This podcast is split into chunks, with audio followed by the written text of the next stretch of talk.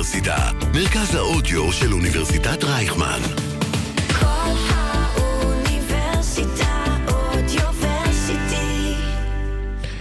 היום בחמוצים, חברים, זהו, זה נגמר, ממש תכף מצביעים. אם אתם עדיין לא יודעים מה לעשות, כדאי שתחליטו.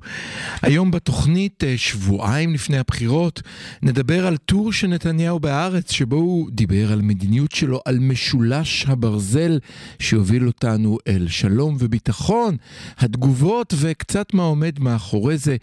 נאלץ לדבר כאן כמובן על הנושא בלבנון, האם ניצלנו במלחמה, או שאולי לפיד קרא לעצמו בור. נדבר על המצב בשטחים שהולך ומתחמם, או כפי שנכתב לאחרונה על ידי רביב דרוקר, כולנו מחכים לנס בשביל שלא יהיה פיגוע ענק שיאלץ אותנו לצאת למבצע. ובסוף אנחנו נשאל שאלה בחמוצים הפוכה מהשאלות של כולם. לא נשאל למה אנשים לא מצביעים, אלא נשאל למה עזאזל אנשים כן מצביעים. החמוצים מתחילים ממש עכשיו. החמוצים, בפעם החמישית. המערכת הפוליטית על ספת הפסיכולוג, עם הפרופסור בועז בן דוד והפרופסור גלעד הירשברגר. שלום גלעד. שלום בועז, ואני רוצה עכשיו לציין שלום למאזינים ולמאזינות. אני כן. קיבלתי הערה לגבי זה, אמרו לי אוקיי. שאני תמיד אומר שלום למאזינים, אוקיי. זה באמת לא בסדר. אני אגיד שלום למאזינות ולמאזינים. הוא למז, אין לי מושג. ולמאזינים. אין לי מושג, אין לי מושג, אני לא רוצה כן, לטעות אותיות בעברית. כן. אה, לא יודע. אה, אז אה, שלום לכולן ולכולם. אה, תקשיב, זה לא יאומן. דקה לפני שאתה הולך לדבר על מה שאני יודע שאתה רוצה לדבר, אני חייב לחלוק איתך חוויה שלי. אנחנו כמה שבועיים ויום לפני הבחירות? שבועיים יומיים? והמערכת הבחירות? מנומנמת לגמרי. מה זה מנומנמת? זאת אומרת, אתה יודע, אני מאלה. אז אתמול יצאנו, אני, זוגתי, בתי והסבתא. היינו שלוש דורות, יצאנו לצעוד ברחבי תל אביב לעודד הצבעה, חמושים בדגלי ישראל. אה, ואתה יודע, והייתה חבורה יפה ומכובדת, אה, שהכרתי חלק ממנה לצערי, ותיקי ה... ה- אבל, אבל כאילו, זהו, זה היה כאילו... כן, אז, אז קודם כל כדאי להבין אה, זהו. במונחים פסיכולוגיים את מה שאתה עושה. כן. כי מה שאתה עושה הוא לא באמת הולך לשנות את uh, תוצאות ההצבעה לא. בראשון לנובמבר. מה שאתה עושה זה ויסות רגשי. זאת אומרת, איזושהי uh, תחושה אישית של הנה עשיתי משהו, uh, הקדשתי מזמני, הלכתי והפגנתי, ועשיתי את, את, את מה שאני כאזרח פשוט יכול לעשות כדי אולי לשנות את הגורל המחכה לנו. אני אוסיף לזה עוד משהו, כמובן, אתה, אתה, אתה תכף תצטרך, אתה יודע מה, עצור. אמרת ויסות רגשי, בוא נסביר למאזינות ומאזינים למה התכוונת. בוא תסביר מה זה ויסות רגשי, בוא, לא כולם עשו את התואר. אוקיי, הרעיון הוא שבועז בן דוד, פרופסור בועז בן דוד, חווה מצוקה. הולכת וגוברת אה, לקראת אה, הבחירות הממשות ובאות. אני חווה מצוקה כל הזמן, אל תקשיבו. כי למרות שהוא משדר אופטימיות כלפי חוץ, בתוכו פנימה הוא מבין שמשהו רע כנראה עומד אה, להתרחש, יש סיכוי לפחות שזה הולך להתרחש. יש סיכוי. אז מה שהוא עושה זה, אה, במקום לשבת בבית ולהרגיש רע, הוא אומר בוא נעשה מעשה, בוא נעשה משהו אקטיבי. מהמם. על ידי זה שהוא עושה משהו אקטיבי, הוא מרגיש קצת יותר טוב עם עצמו. הוא אומר, אני את שלי עשיתי. אני בבוקר אה, דיברתי ברדיו בחמוצים, ובערב הלכתי עם אימא שלי לגשר, ועכשיו אה, אני יכול לעשות וי על זה שאני בסדר. האם זה באמת ישנה משהו בעולם? סביר להניח שלא, אבל, אבל זה עושה תחושה אישית טובה.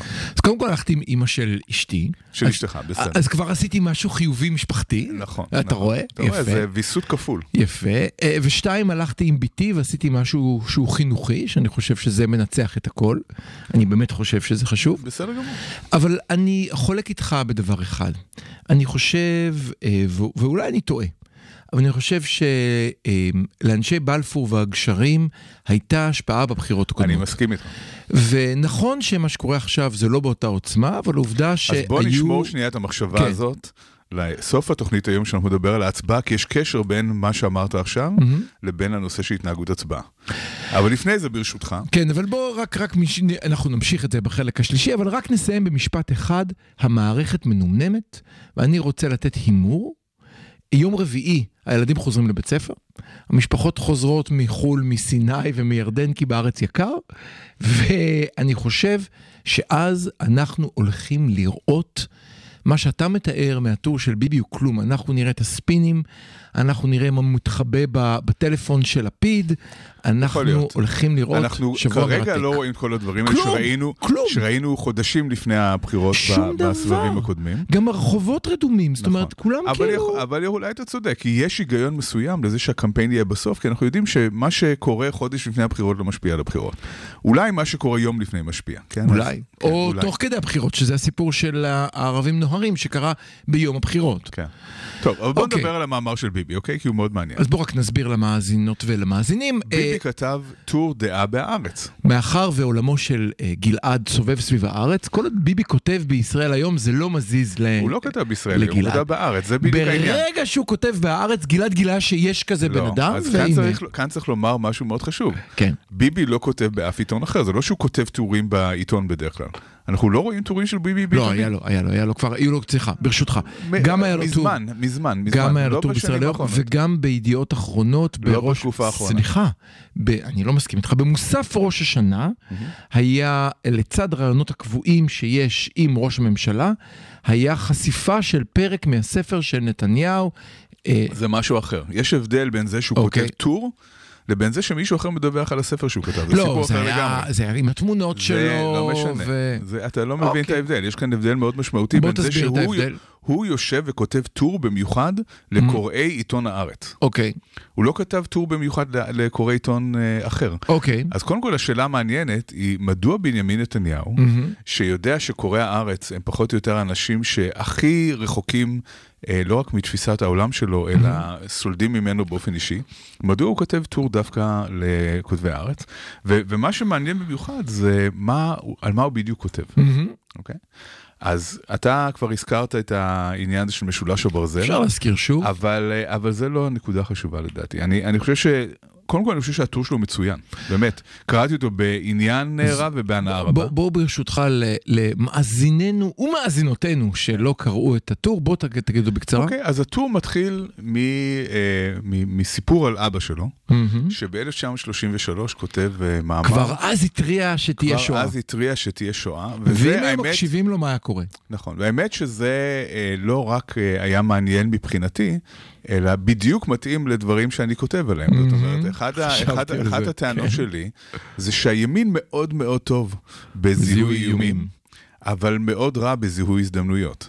עכשיו, אבא של נתניהו, אבא של נתניהו בול, זה- כן. אבא של נתניהו זה, זה לגמרי ידוע, בן ציון נתניהו התריע אה, לא רק במאמר הזה, הוא אפילו נסע ערב השואה לארצות Mm-hmm. הברית וניסה לעורר את יהדות ארצות הברית. אה, הוא, הוא פעל כדי לעורר את הציבור לגבי השואה.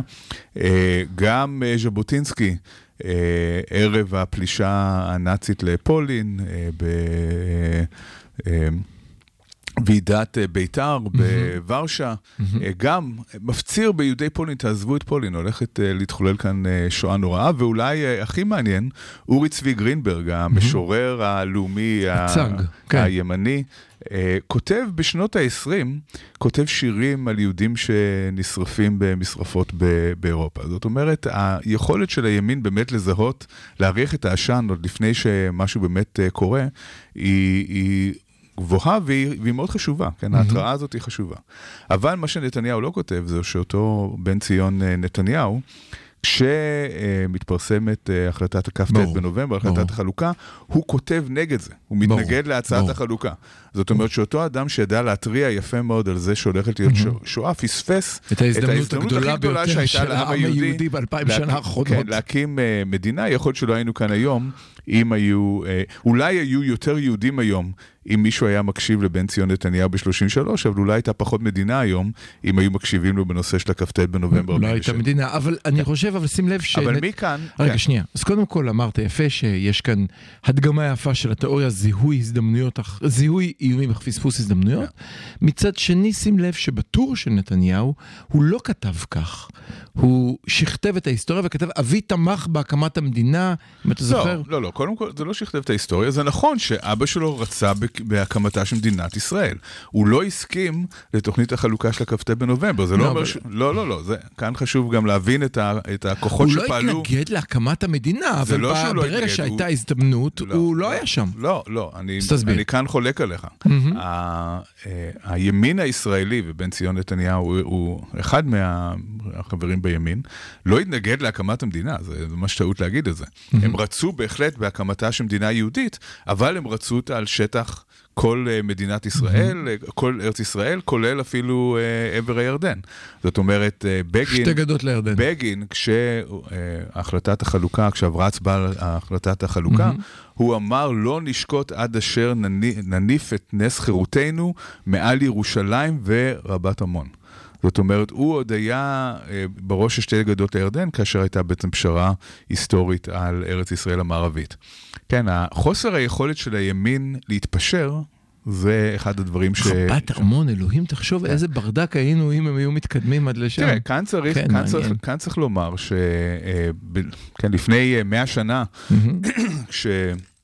כשהוחל המנדט הבריטי על אה, ארץ ישראל, כל התנועה הציונית רצתה אה, שמדינת ישראל, שהבית הלאומי היהודי, אה, יגיע לפחות עד... אה, אה, מסילת הברזל החיג'אזית, כן, שנמצאת בעבר הירדן. זאת אומרת שזה לא היה חלום רק של הימין הישראלי. ההבדל בין הימין הישראלי לשמאל זה שהשמאל הוא פרגמטי יותר. הוא מביא, יש רצוי ויש מצוי, והוא אומר, אה, יש דברים שאפשר לעשות ויש דברים שאי אז רק לפני שנתקדם, אני מזמין את כל מי שמפקפק, מוזמן להסתכל בסמלים של אותם ארגונים שפזורים לנו למשל בתל אביב, על כל בית שבו נעשה משהו מפורסם, ואפשר לראות שהסמלים של אותם הסמל של ארגונים, האצ"ל, כן, הוא שתי גדות לירדן. הם נכון. רואים בהם בהחלט את ירדן אה, מחוברת לישראל. אוקיי, קדימה. אוקיי, ומשם הוא עובר לקיר הברזל של אה, ז'בוטינסקי. מהמם. כן, שז'בוטינסקי בעצם אה, אומר, אה, מפורסמות, שהערבים לעולם לא יסכימו לקיומנו כאן, עד אשר נהיה כל כך חזקים ועוצמתיים, שהם בעצם הבינו שאין ברירה אלא להכיר בקיום שלנו. אם קיר הברזל היה אי פעם שנוי במחלוקת, אז אני חושב שהיום הוא לגמרי לא שנוי במחלוקת. זאת אוקיי. אומרת, ברור שמדיניות קיר הברזל בסופו של דבר הצליחה. ישראל היא באמת אה, מעצמה אזורית. אה, יש לנו את הצבא החזק ביותר באזור, יש לנו כלכלה שאי אפשר, לא רק שהיא הכלכלה החזקה ביותר במזרח התיכון, היא כלכלה שעוברת אה, כלכלות רבות באירופה. אם, אם מישהו היה אומר לנו אפילו בשנות ה-80 שנגיע למצב הזה, אף אחד לא היה מאמין. אנחנו מעצמה טכנולוגית, אנחנו מעצמה מכל... מכל, מכל הבחינות, ואין אה, אה, שלא אדם לדבר על. מעצמה אקדמית כמובן. כמובן. לא, מעצמה מדעית לגמרי, לא צריך כן, לזלזל, כן. אנחנו, אם, אה, אה, ו- וכל אדם במזרח התיכון יודע את זה. זאת אומרת, אין אף אחד, מ, אה, אף אחד משכנותינו לא מפקפקת בזה שישראל היא הכוח החזק ביותר ב- בשכונה. השאלה, ו- השאלה, וזה האם... בהחלט, וזה בהחלט אה, מקדם גם אה, הסכמי שלום. זאת אומרת, גם הסכמי אברהם הם פועל כן. יוצא של העוצמה של ישראל. השאלה היא כמובן, וכאן ניקח רגע את הצד הימני, האם העובדה שאנחנו כזאת אימפריה אומרת שאנחנו לא יכולים אה, בחטף להיעלם עם פצצה אחת שבאה מאיראן? תראה, אני אה, בכוונה אני- משחק את המשחק השני, כן, זאת אומרת, אתה אז, עדיין... אז הימין מאוד חרד מזה, מהמם. הימין מאוד בדיוק. חרד מהאיום הפיזי, מהמם. וכאן אני מוכרח אה, להגיד, ואני אצטט אה, גדולים ממני, כן, את אה, אהוד מהמם. ברק, שמדבר על זה שברדיוס של אה, 1,500 אה, קילומטר מישראל אין אף אה, כוח שבעצם אה, יכול לו. הסיכוי שגם אם לאיראן יהיה נשק גרעיני, היא תשתמש בו, הוא, הוא קטן, אם מסתכלים על כל ההתנהלות מהמם. של איראן עד היום. אני לא אומר שצריך, אה, אה, כן, בשום אה, פנים ואופן. כן. שצריך לזלזל באיום הזה, או שלא מהמם. צריך אה, להתייחס אליו, אבל אנחנו ממש לא פסיביים, אה, וממש לא חסרי הגנה מול האיום הזה. מהמם. בסך הכל מצבנו יותר טוב משהוא אי פעם. צריך להגיד, אולי אפילו בצורה קצת יותר נחרצת, מצבו של העם היהודי מעולם לא היה טוב יותר. אוקיי? עם, עם כל האנטישמיות וכל הבעיות מהמם. וכל האיומים וכל... מעולם לא היה מצב שבו ליהודים יש כל כך הרבה הגנה, כל כך הרבה עוצמה, כל כך הרבה אה, שליטה על החיים שלהם. אה, זה, זה מצב שאני לא יודע, גם אה, בהיסטוריה העתיקה יותר, אני לא חושב שהיה מצב שהיה כל כך טוב, מהמם. למרות כל הקשיים, כן? וגם את זה לפעמים צריך אה, לזכור. אוקיי. אז, ה- אז אני, אני באופן אישי פחות פוחד מהאיומים הפיזיים, יש איומים. אחרים. בואו נחזור ל- לטור ולדברים מעניינים שהוא כותב. מהמם. הוא כותב על קיר הברזל, ואז הוא מדבר על ההבדל בין אה, עוצמה רכה ועוצמה קשה. כן. וההבדל הזה הוא הבדל מאוד חשוב. מהמם. הוא אומר, יש תפיסת עולם מהמם. שאומרת שהדרך בעצם להיות אה, בעל כוח ולהפגין את העוצמה שלך, זה עוצמה רכה, יותר דיפלומטית. כן? אוקיי. שזה אומר ש, שהרעיון, זה בעצם סדר היום הליברלי. הוא מדבר על משהו שקוראים לו סדר היום הליברלי. אוקיי. סדר היום הליברלי אומר דבר כזה, מהמם. אם יהיו לנו יחסי מסחר עם מדינות שהן כרגע מדינות בעייתיות, ויהיו, אה, אה, ו- ובעצם תהיה איזושהי תלות הדדית, מהמם. ותהיה תיירות, אוקיי. ואנשים מהמדינה הזאת יבואו ויראו איך חיים אצלנו, ואנחנו נראה איך חיים אצלם, מהמם. וילכו ויתרקמו קשרים יותר ויותר הדוקים, הסיכויים למלחמה יפחתו בצורה מאוד משמעותית, כי זה פשוט יהיה נגד האינטרס של uh, כולם.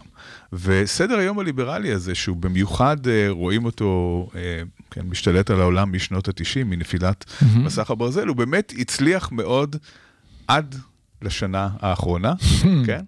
ומה שקורה ברוסיה זהו, ואוקראינה, כי רציתי להגיד זה לך ש... דוגמה, זה דוגמה לק- רוסיה לקריסה, ואוקראינה זה... זה דוגמה לקריסה של התפיסה הזאת. יותר מלהתחתן אחד עם השני, אין, אי אפשר כבר, לא, זה לא רק, לא שממש... רק זה, לרוסיה, מאז אה, נפילת כן. הקומוניזם, הקשרים בין רוסיה והמערב רק הלכו והתהדקו. כן. המון המון קשרים כלכליים. כן. אה, כל תיאוריית הקשתות הכפולות, כן, מהמם. של מקדונלדס, ששתי מדינות שיש להם מקדונלדס לא נלחמות אחת בשנייה מהמם. וכולי, כל זה קרס. כן. ורוסיה בעצם פועלת נגד האינטרסים הכלכליים שלה. אה, ואז כל העולם תופס את עצמו ואומר מה קרה. ונתניהו בעצם נותן איזושהי תשובה לשאלה הזאת. הוא אומר, עוצמה רכה, בלי עוצמה קשה מאחוריה, לא שווה שום דבר. זאת אומרת שאם יש לך קשרים כלכליים ומדיניים וכל מיני דברים אחרים שמחזקים את התלות בין מדינות, זה מצוין. אבל אם המדינה השנייה לא יודעת שיש לך אגרוף ברזל מאחור, כן. שיכול להלום במידה ומשהו ישתבש, אז העוצמה הרכה הזאת לא שווה הרבה. ו- ודרך אגב, אה, אה, מדען מדינה שהוא לא חשוד בימניות אה, יתר, ג'ון אוקיי. okay. מירשיימר, מזהיר עוד משנות ה... מהמם. מזהיר משנות ה-90 מפני אה, מה שרוסיה עשתה בעצם באוקראינה. אתה יודע מה שמעניין? ש... הוא אומר, הוא בדיוק מזהיר כן. מפני זה שאין הרתעה. הוא אומר, זה, ש, זה שיש קשרים כלכליים זה מאוד טוב ויפה, אבל ב, יום אחד רוסיה תתהפך על אוקראינה. אני מוכרח להגיד לך שעד עכשיו מה שתיארת, אה, כמי שאינו חשוד בחיבה לנתניהו, או. לא מפריע, לא רק שלא לא. מפריע לי, זה נשמע לי... נורא הם- מעניין. לא רק נורא נורא מעניין. מעניין ונכון, אפשר להזדהות עם זאת זה. אומרת, יותר מלהזדהות, זאת אומרת, זה כן. בדיוק הדברים ש... אני אפילו, אתה. יודע מה, אני אפילו אקח דוגמה, סתם דוגמה שבאה לי מהראש באופן מקרי ומוזר. ההסכם עם לבנון, סתם לא יודע מאיפה היא באה לי, הולמת את הדוקטרינה של נתניהו. לגמרי, לגמרי, לגמרי. ייצרנו סיטואציה שבה הלבנונים... חכה, חכה, חכה עם ההסכם, אנחנו צריכים לדבר על העניין לא, אבל הזה. זה בדיוק זה. נכון, אוקיי. והוא אומר עוד כמה דברים שהם חשובים. הוא אומר, וזה מסר שבעיניי הוא מאוד חשוב להעביר לשמאל הישראלי, הוא אומר, שלום הוא לא מצב סטטי. מהמם. בשמאל הישראלי וגם העולמי יש לפעמים איזושהי תפיסה ששלום בתור קץ ההיסטוריה. Mhm. ברגע שנגיע לשלום אז זהו, נגמרו כל המלחמות וכל הבעיות, ומעכשיו אה, זאב יגור עם כבש, וזה לא עובד ככה. שלום הוא לא מצב סטטי, אנחנו יודעים גם מה, ממש מניתוח של הסכמים Mhm. אה, לאורך השנים, אנחנו יודעים שממלחמת העולם השנייה רוב הסכמי השלום לא החזיקו. הם חזרו לאלימות תוך uh, בערך uh, חמש שנים. אתה צריך, צריך לקחת בחשבון שגם אם אתה חותם על הסכם עם מישהו, יכול שזה ישתנה. שזה לא, זה, זה מראש אתה צריך לחשוב על זה שהשלום הוא לא מצב uh, קודם, סטטי. קודם כל זה מעניין כי זה אומר שאנשים רוצים פשוט שיהיה להם קצת שקט, שזו שאיפה מאוד, אה, נשמעת לי מאוד כן, אבל הגיונית. שמאוד קשה לקיים שלום בין קבוצות.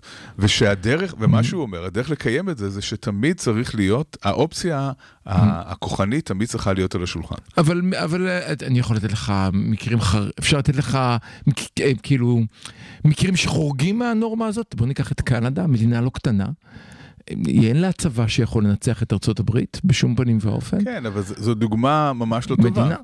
כן, אבל אין, אין לה גם סכסוך עם ארצות הברית, אז אין שום סיבה שיהיה. היה סכסוך, הוא נגמר, חתמו שלום, הוא מחזיק 200 שנה. נכון, נכון. אבל, אבל 200 שנה זה לא מעט זמן.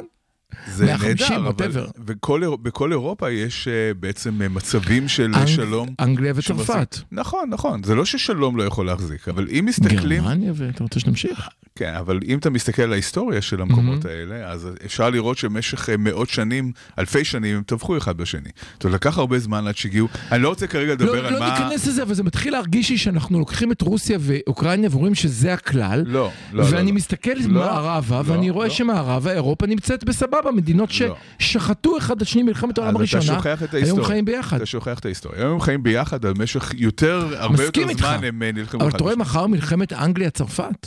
לא, אבל זה, לא- זה לא אומר שהסכמי שלום לא יכולים אה, לקרות, אבל צריך להבין שבלי עוצמה מאחורי ההסכם הזה, בואו ניקח את שווייץ בתור דוגמה, אוקיי? לשווייץ יש את אחד הצבאות החזקים נכון. בעולם, יש לה צבא מאוד חזק. כי שווייץ משחקת למרות- משחק מאוד מיוחד. כי, ש... כי שווייץ יודעת מסיירת שהיא ניטרלית. חייבת, ש... כן. לא, שווייץ יודעת שהפוטנציאל לאלימות קיים. והיא, כן. והיא בעצם יוצרת הרתעה. דרך אגב, אירופה מאוד גרועה בעניין הזה של הרתעה. אני, בחלק מהמקרים, עכשיו, Mm-hmm. יש דוגמה ממש אה, מעכשיו, שנדמה לי הצרפתים Mm-hmm. אה, הודיעו שבמידה ופוטין ישתמש בנשק גרעיני, הם לא יגיבו באופ- במלחמה גרעינית. עכשיו, כל המהות של להחזיק נשק גרעיני, כן. הוא להגיד, אני מוכן להשתמש בו. נכון. אם אתה לא אומר, אני מוכן להשתמש בו, אז זה כאילו, שאין, כן. זה כאילו שאין לך את הנשק הזה, ואז האפקט ההרתעתי, ההרתעתי שלו בעצם... אנחנו. יוצאים להפסקה ואחריה נחזור ונמשיך לדבר בטור הזה ונמשיך ממנו לדיונים הלאה. אני רק ברשותך רוצה להגיד שדווקא אני חושב שהעובדה שאם תסתכל בהיסטוריה שווייץ שרדה היא לאו דווקא בגלל העוצמה הצבאית שלה, הנאצים יכלו לכבוש אותה למרות העוצמה הצבאית שלה, היה לה עוצמה אחרת. שהייתה משמעותית יש- לה, אין ספק, שהיא אין ספק. היא א', הסכמית. א', גם העוצמה הבנקים הצבאית, שלהם הם הם הסכמיים. זה גם חלק מהעוצמה הקשה שנתניהו אה, מדבר עליה. כן. אנחנו נשוב אה, תכף ונשוב לדבר על זה. כל האוניברסיטה אודיוורסיטי. כל האוניברסיטה, מרכז האודיו של אוניברסיטת רייכמן. החמוצים, בפעם החמישית. המערכת הפוליטית על ספת הפסיכולוג, עם הפרופסור בועז בן דוד והפרופסור גלעד הירשברגר. אנחנו חמוצים, תודה שחזרתם אלינו. אה, גלעד, בואו נחזור אל הטור. אז כן. אמרנו... לא, אני, אני רוצה להגיד כן. עוד uh, משפט אין אחד בעיה, על, אין. על מה שאמרת קודם, על uh, מה בעצם הוא לא יוותר מייצר... לי, הוא לא יוותר לא לי. יוותר. כן. מה בעצם uh, מייצר uh, uh, שלום יציב בין מדינות. אם מסתכלים דווקא על הדוגמה האירופאית, אז אפשר לומר שמה שבעצם ביסס את השלום שם, זה תסכול. Uh, תסכול מהיכולת להביס אחד את השני. זאת אומרת, אחרי מאות מאות שנים של uh, מלחמות עקובות מדם, uh, ש- שהובילו למעט מאוד הישגים בסופו של דבר. גם אחרי מלחמת העולם הש- הראשונה בעצם היה רצון מאוד גדול להגיע לשלום וזה נכשל. המחיר הגדול שאירופה שילמה על המלחמות שלה הוביל בסופו של דבר לשלום יציב. התסכול הזה, התסכול מהיכולת להביס את השני, לא אמפתיה ולא הבנה של הצד השני ולא איזו אהבה מיוחדת לצד השני. הסקוטים והאירים עדיין שונאים את האנגלים והגרמנים עדיין שונאים את הצרפתים. אה, זה בא לידי ביטוי במשחקי כדורגל, לא ב... שלא אה, לדבר על האיטלקים. וצרפתים, אבל, אבל תראה, יש כאן, אני לא יודע, אני לא חקרתי את הנושא כמוך, אבל יש לי הרגשה שזה אפילו יותר, זאת אומרת, יש לנו כאן דור של צרפתים ואיטלקים, גרמנים, ואני עזוב את הגרמנים, שם אותם בצד, כי שם יש עניין אחר.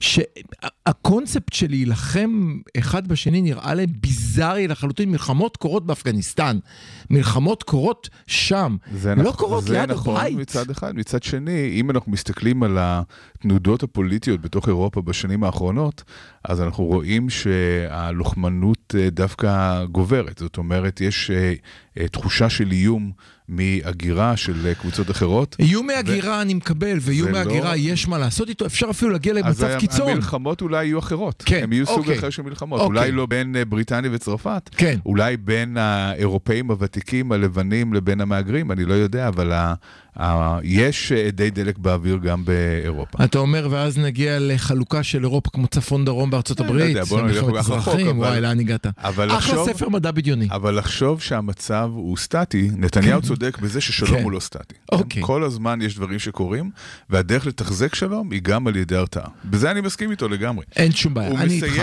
הוא מסיים את המאמר שלו בצורה מאוד מעניינת. הוא מסיים את המאמר שלו במשהו שהייתי מצפה ששמעון פרס יכתוב, לא בנימין נתניהו. קדימה. הוא אה, אה, מתאר אה, מזרח תיכון חדש. הוא מדבר על אה, מסילת רכבת בין אה, ישראל לאיחוד האמירויות, שיעבור דרך סעודיה. כן. כן, כל מיני דברים שממש אה, המזרח התיכון החדש של אה, פרס. אז... אה, אבל בלי המבטא זה לא עובד, כן. כן, אז, אז זה שוב מחזיר אותנו לשאלה של מה הוא חשב לעצמו שהוא כתב לכותבי הארץ. האם זה איזשהו ניסיון לקושש כמה קולות ב, באמצעות אה, מאמר רציונלי?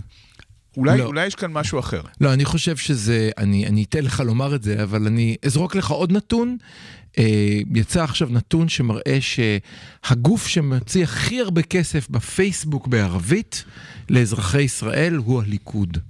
שמוציא בי פאר יותר כסף מכולם okay. על אוקיי. פרסומות ממוקדות בערבית לאזרחים ישראלים. שוב, לא אבו, לא, כן, יש כאן עניין לאבו יאיר. לא, אז קודם כל לגבי אה, אזרחי ישראל הערבים, אנחנו יודעים שיש אחוז מסוים מתוכם, יש איזה חמישה אחוז, משהו. כזה, קצת כן. יותר, שמצביעים ליכוד. אבל לא בגלל, נכון, אבל לא בגלל זה הוא עושה את זה. אני מסכים איתך. אז למה הוא עושה את זה? בשביל להגיד למערכת, למה לכם כל כך להתעצבן? למה לכם להשתולל? למה לכם לצאת מהבית ולהצביע? אני לא כזה גרוע. כן. חוץ מזה, אני מבטיח יציבות. איתי תהיה ממשלה יציבה, ואני לא כזה נורא. בסך הכל אני רוצה את מה שאתם רוצים, ואני גם אעשה את זה טוב, כי אני מניאק. לגבי. לגבי מצביעי הארץ, אני לא חושב שהמטרה שלו היא לגרום להם אה, להישאר אה, בבית ולא להצביע. ידוע שאחוזי ההצבעה במעוז, במעוזי השמאל הוא כן. זה לא גבוה רק מעוזי יחסית. השמאל, מי שמנוי הארץ ולא מצביע לדעתי, עמוס שוקן בא אליו הביתה ולוקח את העיתון כן, זה בחזרה. לא כל כך מסתדר לקרוא הארץ כל יום ולא להצביע, זה, זה לא הולך ביחד. אה, אני, אני אגיד משהו קצת נאיבי פה. לך על אוקיי? זה. אני, אה, ואולי הפסיכולוג שבי אה, גורם לי להגיד אני, את אני זה. עדיין דבק בעמדתי, רק שאתה מה שלא תגיד, כן, אני לא, חושב שהוא יודע, רוצה אני להרדים. לא, אני אתה שהוא רוצה- תצחק, אתה תצחק מה שאני אני חושב. שהוא רוצה להרדים את המערכת, אבל אני- בוא נראה. אני חושב שאולי בערוב ימיו, כן, הוא כבר לא צעיר, האדם הזה מחפש איזשהו גשר לצד השני. הוא מחפש לייצר איזשהו דיאלוג, והוא עושה את זה דרך הדברים שהוא חושב שיכולים להיות יחסית אה, מוסכמים. הוא לא מזכיר את אה, רצח רבין ואת ההסתה מסביב, כי זה כמובן אחד מהנקודות השחורות ביותר בביוגרפיה שלו מבחינת השמאל הישראלי. או את לא ההסתה מדבר- בשנה האחרונה. הוא לא מדבר על ההסתה, הוא לא מדבר על ה... על. העובדה שהוא עצמו נאשם בפלילים, הוא לא, הוא לא מדבר על כל הבעיות מהמם. שיש לשמאל מרכז כן. הישראלי איתו, כן. הוא מדבר על דברים שהוא יודע שאנשים כמוני וכמוך, כשנקרא אותם, מהמם. יגיד וואלה, אנחנו מסכימים איתו. כן, אולי אפשר, אולי יש מקום להידברות, במיוחד שמאלנים יפי נפש שהם בעד אה, לדבר ופיוס ושלום, אולי זאת תהיה הדרך שלנו אה, להתפייס איתו. אני, אני חולק עליך, אני חושב ש... אמרתי מראש שזה נאיבי, אבל כן. אני, אני אני- חושב שיש, שאולי, אולי, אה, המוטיבציה הזאת גם אה, גרמה לכתיבה של אני העתירות. חושב שיש לו... תראה, אני אנסח את עצמי מחדש. אם הוא חושב, חושב על עבר אה, אה, תהליך חנינה מהנשיא, שעכשיו הודיע שבני 75 יקבלו חנינה אוטומטית, בדיוק כשביבי מתקרב לשם, המקום מתחיל להריח מעניין, בתוך, שאנחנו זוכרים תגיד, שהוא... אתה מרגיש שיש לך נשיא? אתה מרגיש שיש נשיא מדינה פה? אני נורא, אני נורא רותח על זה, עזוב, אני, אני לא רוצה אפילו להתחיל את זה. כן, זה, זה לא ברור מי זה, מה, מה האיש הזה עושה. לא, אני, אני, אני אפילו לא רוצה להתחיל את זה, כאילו יום, יום אחרי שתוקפים אנש, אנשים בגשרים, הדבר הראשון שהוא צריך להגיד בבוקר, אחר כך אני קורא לכולנו לזכור שכולנו עם אחד, מה, ת- ת- א' ב' חוץ, מלחנון אנשים בני 75, שלא נזכיר את שמם, הוא אה, לא באמת אה, מורגש, הקיום שלו ממש לא... כאילו שאין נשיא. אבל כן, בוא, בוא נמשיך. כן, ובידיעתנו את היכולת של הרצוג להתבטא ולדבר באופן מרשים, זה מאכזב. זאת אומרת, זה לא בן אדם שלא יודע להיות פוליטיקאי ולדבר. יש כאן בעיה קשה מאוד. תשמע, יש כאן בעיה קשה, גם מבחינת אה, איך שתפסנו אותו עד היום, אה, גם מבחינת הייחס המשפחתי שלו, כן, הייחוס המשפחתי שלו, אה, הוא לא, הוא בהחלט קצת חומץ בן יין. כן. סוג של, קורה לינץ', קורה זה, כל מיני דברים איומים קורים, ת, תבוא ותגיד משהו, תדבר, תהיה אותנטי, תזמין אנשים אליך הביתה, תעשה משהו שייתן הרגשה שאכפת לך מהעם. היית, היית מאמין שרובי ריבלין יהיה נשיא הרבה הרבה יותר טוב מיצחק הרצוג? כאילו, בי פאר, אי אפשר בכלל לתאר. לא רק שהוא יותר טוב, גם הוא היה נשיא ש... ממלכתי. הרבה, זאת המילה שחיפשתי, תודה. הרבה יותר ממלכתי. כן, כן. הרבה יותר ממלכתי. אבל בוא, זה, הוא כל כך לא מעניין שלא שווה לדבר. כן, בוא, בואו נמשיך אה, ונדבר על ה... אז בואו נחזור. אני, חושב שאם נגיע לשלב של, של אפשרות לחנינה או פשרה או הסכם, אז אני יכול להבין מדוע הוא צריך שנה לפני להכשיר את הלבבות, ושאני ואתה נגיד, יאללה, די, שחרר. תראה, ההסבר לא שלך. ההסבר שלך, מכל כיוון שלא ניקח אותו, הוא הסבר יותר ציני, כן? אני בכל זאת, כן, כן, בסדר, והוא מובן. איך התחלפנו? כן. כל היום אתה קורא לי התמים והמאמין, נכון, פתאום אז אני אני, הציני. אני לוקח לעצמי שנייה של תמימות ואני אומר, אולי. יש משהו אה, דווקא אה, קצת אנושי, ש, שמחפש... אה, אהבה. שמחפש אהבה, שמחפש תקשורת, שרוצה חיבוק על- משמאלנים. הלוואי, בואנה, תקשיב, גלעד, אני בדרך כלל אומר שחלומותיך, אני מקווה שלא יתגשמו ושלי כן יתגשמו. כי אתה תמיד רואה בסוף הבחירות 70 לליכוד, ואני אומר אולי יהיה 59. אז, אז הפעם אני... לא, אני לא חושב שיהיה 70, אני חושב לא, אני- שיהיה אני- 63, 4. אני מגזים אותך כבר, אוי, מלא. וואי, אולי 2. די, לא היית צריך לדבר. אני חוזר אחורנית, אני מאחל לך שחלומותיך האלה יתגשמו.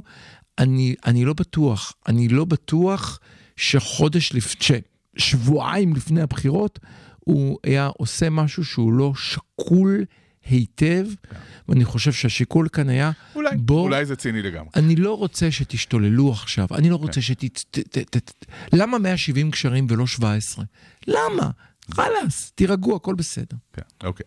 בואו אה, נעבור למתווה הגז וכל מה שקורה אז אז. מה שרציתי להגיד קודם על מתווה הגז, ברשותך.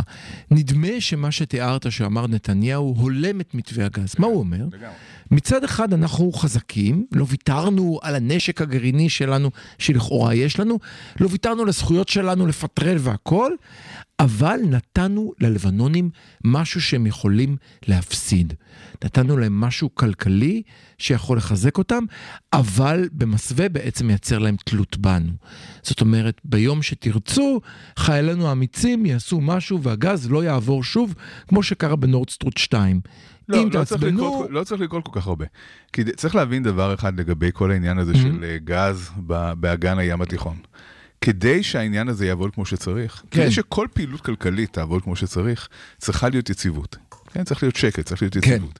אי אפשר בעצם אה, לתפעל את כריש, את כן. המאגר שהוא לגמרי ברשותנו, כל עוד יש אה, איומים של חיזבאללה מעל כן. כריש.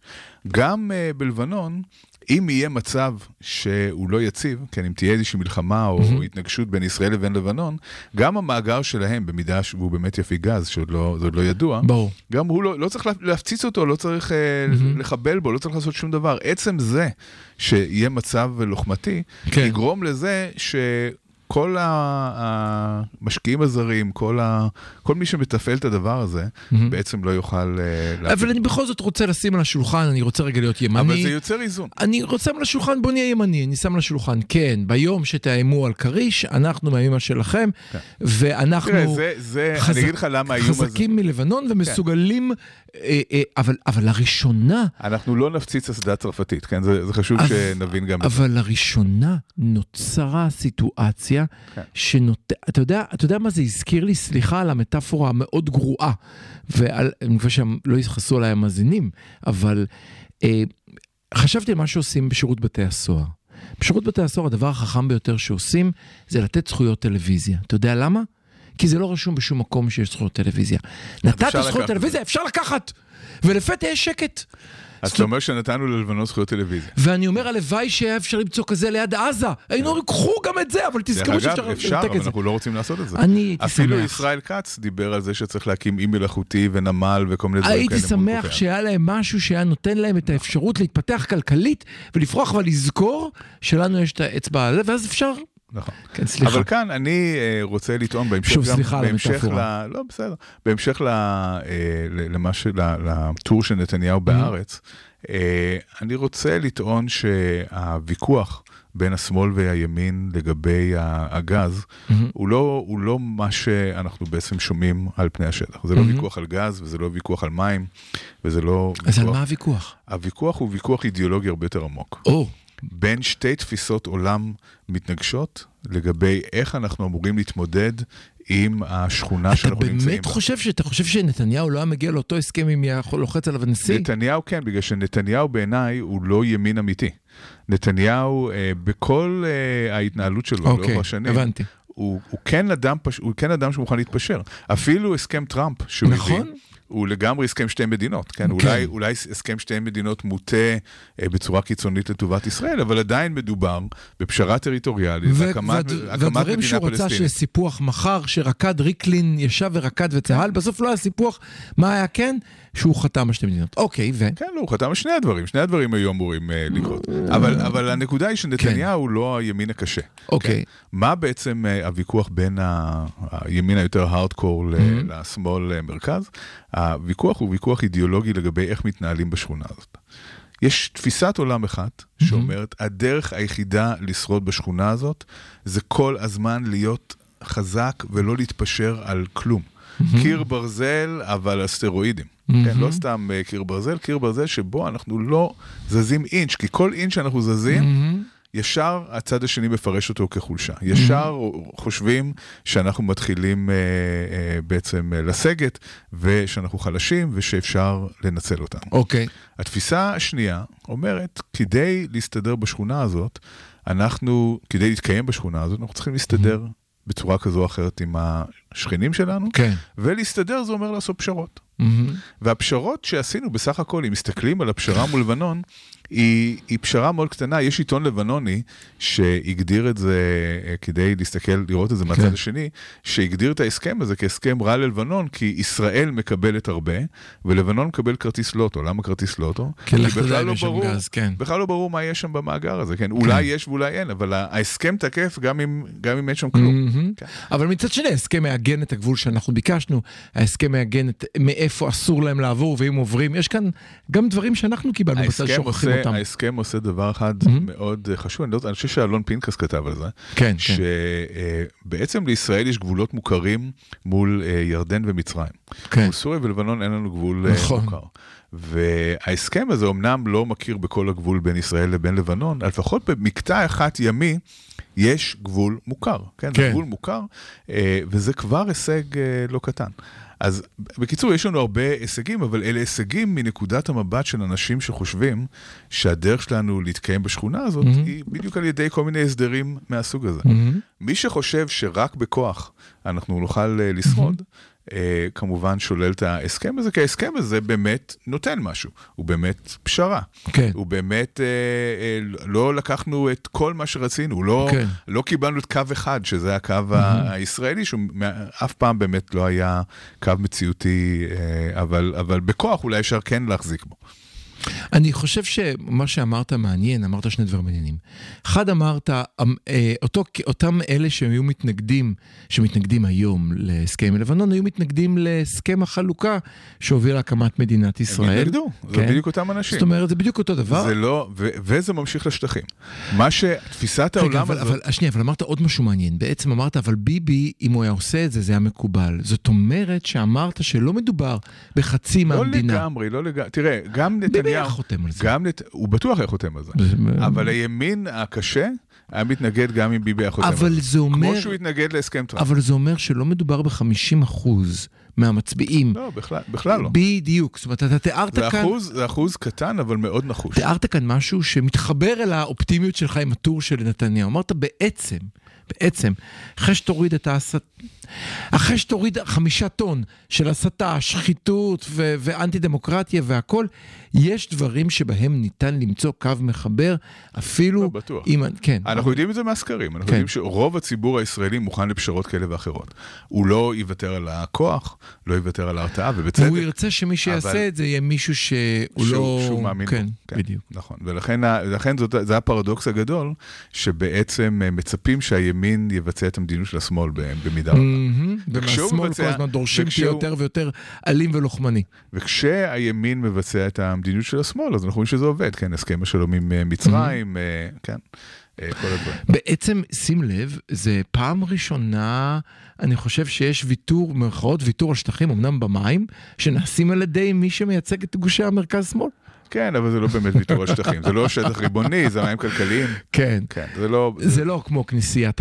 כנסייה למשל באמצע ירושלים, חלילה, אתה יודע, שמי ישמע שמישהו הסכים אבל לוותר על זה. אם הגענו כן. לירושלים, מהמם. אז תפיסת העולם, ההבדל, ההתנגשות הזאת בין תפיסות העולם האלה באה לידי ביטוי גם בשטחים. אני אתן לך דקה. זאת, זאת אומרת, אה, יש לנו בעצם קו אחד שאומר, הדרך להתמודד עם הפלסטינים מהמם. זה רק בכוח. מהמם. אם נכסח אותם יותר ויותר ויותר ונמרר את החיים שלהם, ונגרום לזה שהם יבינו שאין להם שום סיכוי, שאין שום תקווה, שלא יעזור להם לזרוק אבנים ולא יעזור להם לעשות פיגועים, אנחנו אה, נכסח אותם ונהרוג בהם, ונגרום לחיים שלהם להיות אה, אומללים, עד שהם בעצם ייכנעו ויבינו שזאת מדינת ישראל, מדינת העם היהודי, ויקבלו בהכנעה את המצב שלהם. תפיסת העולם השנייה אומרת, אי אפשר לעשות את זה. אי אפשר לקחת עם שלם של שלושה מיליון אנשים בשטחים ועוד אה, שני מיליון אה, בישראל, ולחשוב שהם יוותרו על המאוויים הל- הלאומיים שלהם רק בגלל שניכנס בהם, ואולי הדוגמה הכי טובה לאיך שזה עובד זה העם היהודי עצמו, שלמרות אה, כל מה שהוא סבל, הוא אף פעם לא ויתר על החלומות שלו ועל הרצון שלו בעצמאות. ולכן הדרך להתנהל מול הפלסטינים בשטחים היא למצוא איזשהו מתווה של אה, פשרה. או לייצר את הדבר הקסום הזה שאתה תיארת קודם, לייצר תקווה. לייצר תקווה, לייצר לילדים עתיד. כשאימא ואבא חושבים שלילד יש אפשרות אה, להגיע לעתיד טוב משלהם, הם מוכנים לעשות בשביל זה הרבה מאוד, אני מדבר כאבא. כשהם חושבים לא, שהוא יהיה אתה, איום ונורא, אתה, כאן אתה טועה. אתה אוקיי. טועה בגלל שאתה אתה מרבה בין תקווה אישית לתקווה לאומית, וגם תקווה היא חרב פיפיות. זאת אומרת, יש הבדל בין אה, תקווה להביס את הצד השני, גם זה סוג של תקווה. כן, בסדר. ובין אה, תקווה... אה, קיבלתי. ל, אה, לבעצם עתיד טוב חירות, יותר לעצמך. חירות לא לעצמך. זה יש. הבדל בין עתיד טוב יותר למדין- לקולקטיב ובין עתיד יותר לפרטי, מסכים איתך. חברות קולקטיביות, כמו. החברה הערבית הפלסטינית, מוכנים להקריב את ההווה למען העתיד. אנחנו אוקיי. יודעים את זה. כן, אנחנו אוקיי. יודעים שהם מוכנים להקריב את ה-well-being ואפילו את החיים של הילדים בשביל העתיד של העם זה הפלסטיני. מזכיר לי עם אחר ששולח את כל ילדיו בגיל 18 לצבא בלי נכון, להזכיר נכון, שמות. נכון. אוקיי.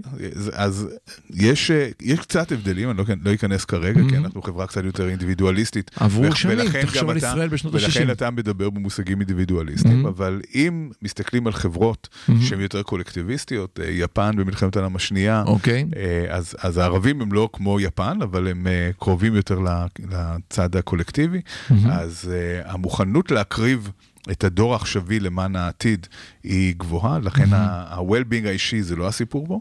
הסיפור פה הוא לקבל חלק מה, מהמאוויים הלאומיים שלהם, לה- להגשים חלק מהמאוויים הלאומיים. אה, אם הם ירגישו שיש תקווה לעשות את זה, אולי, אולי, אולי, נוכל אה, להגיע לעתיד טוב יותר. אז אתה אומר לא לפתוח מקדונלדס באמצע חברון, אלא לתת לאנשים תקווה שיום אחד הם יוכלו ללכת כן, בלא לא, בתוך כלובים. המחשבה הנואלת שמקדונלדס Mhm. באמצע חברון יכול לעשות משהו, זה קצת השלום הכלכלי של נתניהו, אגב, כן. כן? שיש לו הצלחה מסוימת, כן? Mhm. אין, אין מה לומר שכשהמצב הכלכלי קצת יותר טוב, אנחנו גם יודעים שכשאנחנו משחררים ונותנים ליותר פועלים פלסטינים לעבוד זה מה בישראל, שעשינו עכשיו זה בעזה. משפר את המצב, Mhm. אבל זה אה, אקמול לסרטן, כן? אנחנו, הטיפול הזה הוא טיפול שיכול להחזיק לתקופת זמן אה, קצרה, אה, צריך טיפול הרבה הרבה יותר שורשים, אנחנו רוצים באמת להגיע לאיזושהי יציבות אה, מול הפלסטינים. אה, ואנחנו כאן אה, עוצרים שוב, כרגיל גלעד שוגה בחלומות נפלאים. אנחנו נחזור ונעשה קצת פסיכולוגיה, ונשאל שאלה נורא פשוטה.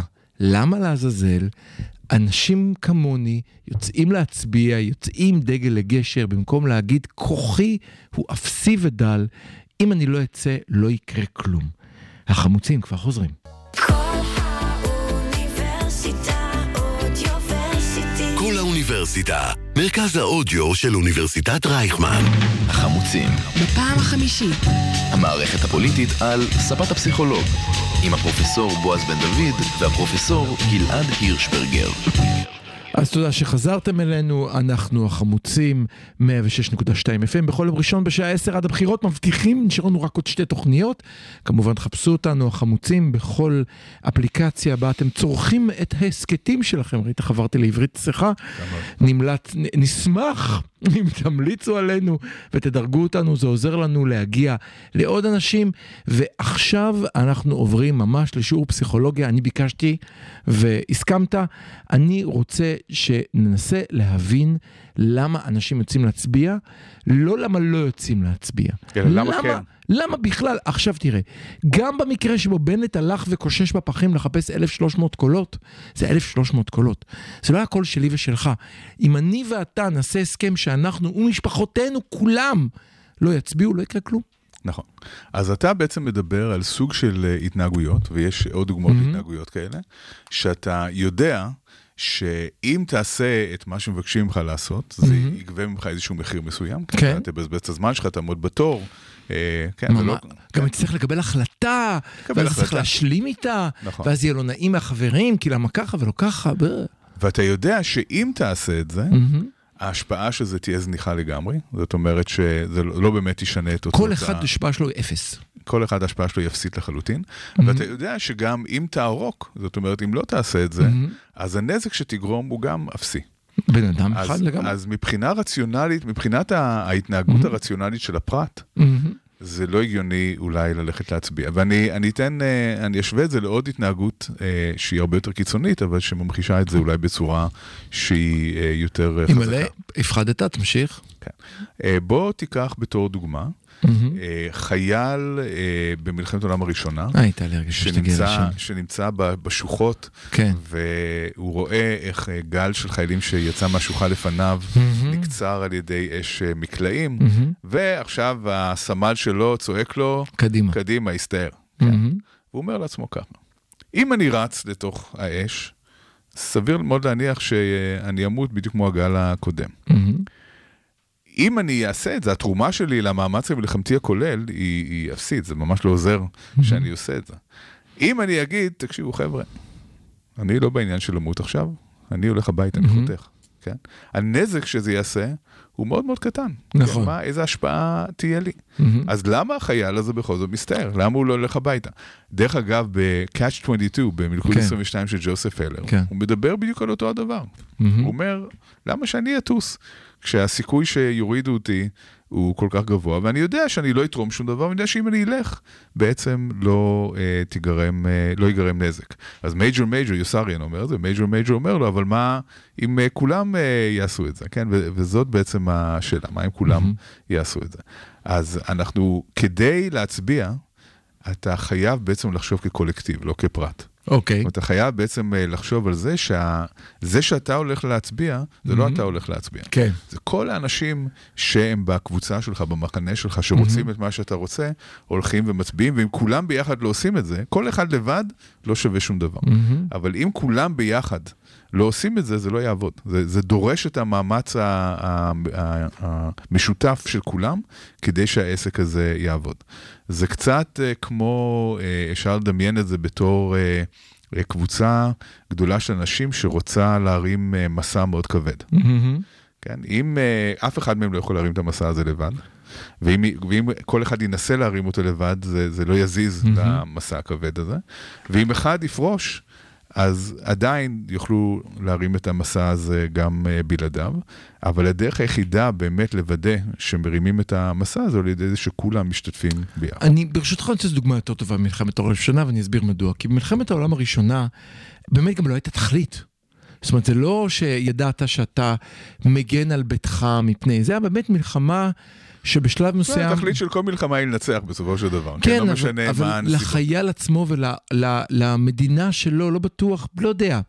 להבדיל ממלחמת העולם השנייה, שבה חיילים הרגישו שהם נלחמים למען אידיאל גדול, שעושים אותו במלחמת העולם הראשונה, לפחות למיטב הבנתי, הייתה קצת אחרת. כל מלחמה היא, היא אותו הדבר מהבחינה הזאת שהמטרה היא לנצח, ואתה צודק שגם אה, אה, אם ניקח את הפלישה ב-D-Day, אה, Mm-hmm. שם כן, זו של אולי בעלות- דוגמה של בעלות. הברית. אנשים אז- הרגישו שמגינים על הבית, על אימא ועל אבא שיושבים מאחורנית. אני, אני לא בטוח שחיילים אמריקאים אה, הרגישו הבריטים, ככה, אבל הם, למשל. כן, אבל אוקיי, ניקח את האמריקאים, או אפילו קנדים ואוסטרלים כן. שגם השתתפו בקרבות. אה, הם הרגישו שהם נלחמים למען אידיאל כן, שהוא, שהוא כן. גדול וחשוב. כן. והם גם ידעו את אותו הדבר, הם ידעו שמתוך אה, אה, המסות הגדולות של הכוחות מהמם. שהונחתו על אה, חופי נורמנדי, שאם אחד יפרוש, כן. לא יקרה שום דבר. והם גם ידעו שהחייל הבודד הוא לא זה שהולך לשנות את העם. זה, זה תמיד ככה, כל מלחמה, זה נכון גם למלחמות ישראל. אני מסכים. אני, אני אבל רוצה, אה, אני חושב שיש עוד משהו שקורה היום לגבי ההצבעה, ואולי אני טועה. יש לי הרגשה שהיום ההרגשה היא לא רק אני עובד למען הקולקטיב, אלא גם כשאני מצביע, אני עושה משהו שגורם לי להרגיש נעים בבטן. אני חושב שזה נכון למצביעים מכל הצדדים. זאת אומרת, אם אני אדיש לחלוטין, אני לא יוצא להצביע, בדיוק הייתה כתבה מעניינת בהארץ, כמוך גם אני, על אחוז הצבעה נמוך בבת ים, שהיא אחת הערים עם אחוז הצבעה הנמוך ביותר. ושמעת מה ריקלין אמר אה, כן, אתמול זה היה או שלשום? כן, כן, כן, כן. אתה רוצה שנדבר על זה? בוא נשאיר את זה שנייה לסוף. ו... אה, אבל יש כאן, לא, זה בדיוק מתייחס לזה. ויש כאן עניין של הרגשה בבטן, שנעימה של להצביע, ועד, אם אתה רוצה קולקטיב, זה היום משתפים את התמונה. אתה מצלם את עצמך מצביע, ומשתף את התמונה. אני חושב שהתחושה הזאת היא תחושה שמאפיינת אנשים כמוך שהם מאוד אה, מעורבים. ולא מאפיינת ימניים. ומאוד אה, פוליטיים, אנשים שהם יותר פוליטיים. אבל אנחנו צריכים להבין, אם מסתכלים Mm-hmm. על אה, רמת העניין של הציבור הישראלי אה, בנושאים הפוליטיים השוטפים, אנחנו רואים שרמת העניין היא נמוכה יחסית. Mm-hmm. אוקיי. אה, נמוכה, נמוכה יחסית, אה, כמובן, השאלה אחוז היא בהשוואה בישראל למה. הוא גבוה לארצות הברית, גבוה נכון, בהשוואה. למקומות אחרים היא, היא קח את לא הבחירות נמוכה. האחרונות באיטליה. היא נמוכה, היא נמוכה באופן אבסולוטי, לא באופן מהמם. השוואתי. זאת אומרת, כן. אם אתה תשאל את הישראלי ממוצע ברחוב, מהמם. עד כמה אכפת לך ממה שקורה, רוב האנשים, מה שמעניין אותם זה החיים הקטנים שלהם. אבל עדיין מצביעים כאן יותר מאשר באירופה. נכון, אבל אם. מסתכלים, אם מסתכלים על מי מצביע, אוקיי. אז דווקא אחוז ההצבעה הגבוה הוא במעוזי השמאל. כן, במעוזי השמאל אנחנו רואים 70 אחוז ואצ- הצבעה. ואצל החרדים, ובהתנחלויות. חרדים, חרדים זה סיפור אחר. ובהתנחלויות. נכון, זאת אבל- אומרת, יש, יש אבל מקומות שמצביעים מצביעי- בהם. מצביעי ליכוד, כן, נכון. דווקא הבסיס של נכון. הליכוד, אה, אחוזי הצבעה שם מאוד נמוכים. נכון. כן. וביבי מדבר על זה מהיום הראשון, זה עם הקמפיין נכון. המטומטם של אחד ועוד אחד נכון. שווה ארבע, ש... נכון, כי הם מבינים, הם אותו, מבינים דבר אחד, שאם נכון. אם כל מצביע, כל האנשים שמזדהים עם הליכודאים מצביעים, אז המפה הפוליטית הייתה נראית אחרת לגמרי, ללא ספק. ולכן אה, ריקלין בתסכולו אמר להם, תפסיקו להיות עצלנים, לכו להצביע. אני, אני ת- תכף אתן לך לחזור לריקלין, כי יש לי שאלה על ריקלין, אבל, אבל אני עדיין מנסה להבין מה גורם לבן אדם, מה יכול לגרום לבן אדם, נצטרך את אחרת, כן לצאת מחר להצביע, אדם שאתה מתקשר אליו בטלפון ואומר לך, חבר, אני לא מצביע. מה אתה יכול להגיד לו? אז מה הוא היום עושה? הקמפיין מאיים עליו. אם לא תצביע, יהיה את אחמד טיבי, או אם לא תצביע, יהיה את בן גביר. זה הדבר היחיד שאני רואה היום כן, בקמפיינים. אבל זה לא עוזר, בגלל ש... בדיוק. זה לא עוזר גם בגלל שזה לא מטפל בבעיה הרציונלית הבסיסית, שההצבעה שלו באמת לא תשנה שום דבר. שוב, הדרך היחידה להתמודד עם הבעיה הזאת, קודם כל צריך לה- להגיד אה, בכנות למי שאומר דבר כזה, אתה צודק, הפתק שאתה תשים לא הולך לשנות שום דבר. מהמם. הבעיה היא שאתה לא לבד. אתה מייצג איזושהי תפיסת עולם שקיימת גם במקומות מסוימים. ותפיסת העולם הזאת היא שבעצם אני לא כל כך חשוב ואני לא צריך אה, להצביע. רק אם תחשוב בצורה של מאמץ קולקטיבי, זאת הדרך, הדרך היחידה לגרום לאנשים להצביע. ו- ואם נחזור לדוגמה המלחמתית, מה בסופו של דבר גורם לחייל בשוחות לצאת ו- אה, ולהסתער ולא, ולא, כן. ולא לברוח? כן. מה שגורם זה לחץ חברתי. זאת אומרת שאם אתה חוזר.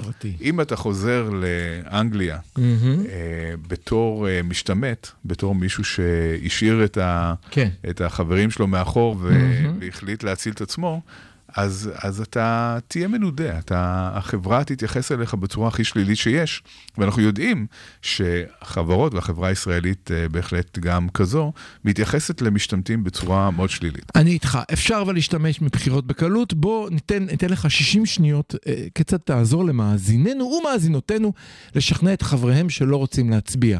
אז אמרת לחץ חברתי, איך מייצרים לחץ חברתי? לחץ חברתי זה אומר שזה פשוט לא מקובל לא להצביע. אם אתה לא מצביע, אתה עושה מעשה ש... שלא יעשה. אה, משהו שהוא הוא פשוט אה, לא מתקבל אה, חברתית. אה, האפקט הזה, זה מאוד קשה לייצר אותו כמה ימים או כמה שבועות לפני הבחירות, אבל אם באופן כללי אנחנו נתייחס להצבעה כמו שאנחנו מתייחסים לשירות בצבא, כן. אה, ואנחנו יודעים אה, למשל שכל זמר או דוגמנית שלא שירתו בצה"ל חטפו. חטפו הרבה אש על העניין הזה. אז אותו הדבר צריך לקרות למי שלא מצביע, כן? שבעצם יסמנו אותו בתור מישהו שלא עושה את החובה הבסיסית המוטלת עליו, ש, שמאפשר לדמוקרטיה להיות דמוקרטיה, כי בסופו של דבר, אם אחוזי הצבעה הם נמוכים, אז הדמוקרטיה לא מתפקדת. אנחנו. מגיעים בדיוק למצב שבו הגיעה איטליה. אנחנו רק אה, נסיים ממש במשפט אחד. אני, אני מוכרח להגיד לך שבשבועות הקרובים, ואתה תצטרך להסביר לי את זה בשבוע הבא, למה לליכודניקים מותר לעשות דברים שאם שמאלנים היו עושים, הבחירות היו נגמרות ואנשים היו נשרפים ברחוב. מותר לאשכנזי צעיר לנעול במרפסת מזרחית מבוגרת, מנוסה, מכובדת ונבחרת ציבור שהוא לא, כל עוד הוא ביביסט וזה בסדר. מותר לריקלין לדבר בהתגזענות והתנשאות על אנשי עיירות הפיתוח העצלנים, ואם זה היה קורה חלילה בשמאל, זה היה סוגר עניין. תאר לעצמך מצב שבו איש מרץ או מפלגת העבודה, אשת המפלגת העבודה, הייתה אומרת, אנחנו חוקקנו חוקים הכי חשובים בשבילכם עיירות הפיתוח, איך אתם לא מצביעים לנו? זה היה נגמר מאוד. אה, את השאלות האלה אני מציע שתפנה לאבישי בן חיים, אבל אה, כן, יש משהו במה שאתה, במה שאתה אומר, אבל, אה, אבל אני חושב שזה קצת קשור לנושא שאתה התעניינת בו בעבר, ועניינת אותי, של ההבדל בין תוקפנות בתוך הקבוצה או בתוך המשפחה לתוקפנות מחוץ לקבוצה. זאת אומרת שכל עוד הדברים האלה קורים בתוך מה שנחשב כמשפחה, כן, מהמם. של הליכודניקים, של הביביסטים, כן. אז זה מתקבל בהבנה, מהמם. אה, ב- ב- באותה מידה שאם אה, אה, מישהו נותן אה, פליק לילד שלו, זה נראה אחרת מאשר אם הוא נותן פליק לילד של השכן. בשני המקרים כמובן זה חמור ולא צריך לקרות, אבל אה, אחד נתפס כיותר אה, מקובל מאשר השני. אה, אז, אז אולי זה משהו מהעולמות האלה. אז אנחנו לא נצליח לפתור את כל בעיות העולם, רק נגיד לכם, צאו להצביע, הנה ניסינו לייצר קצת לחץ חברתי, אנחנו החמוצים מבטיחים להיות כאן בשבוע הבא להתראות.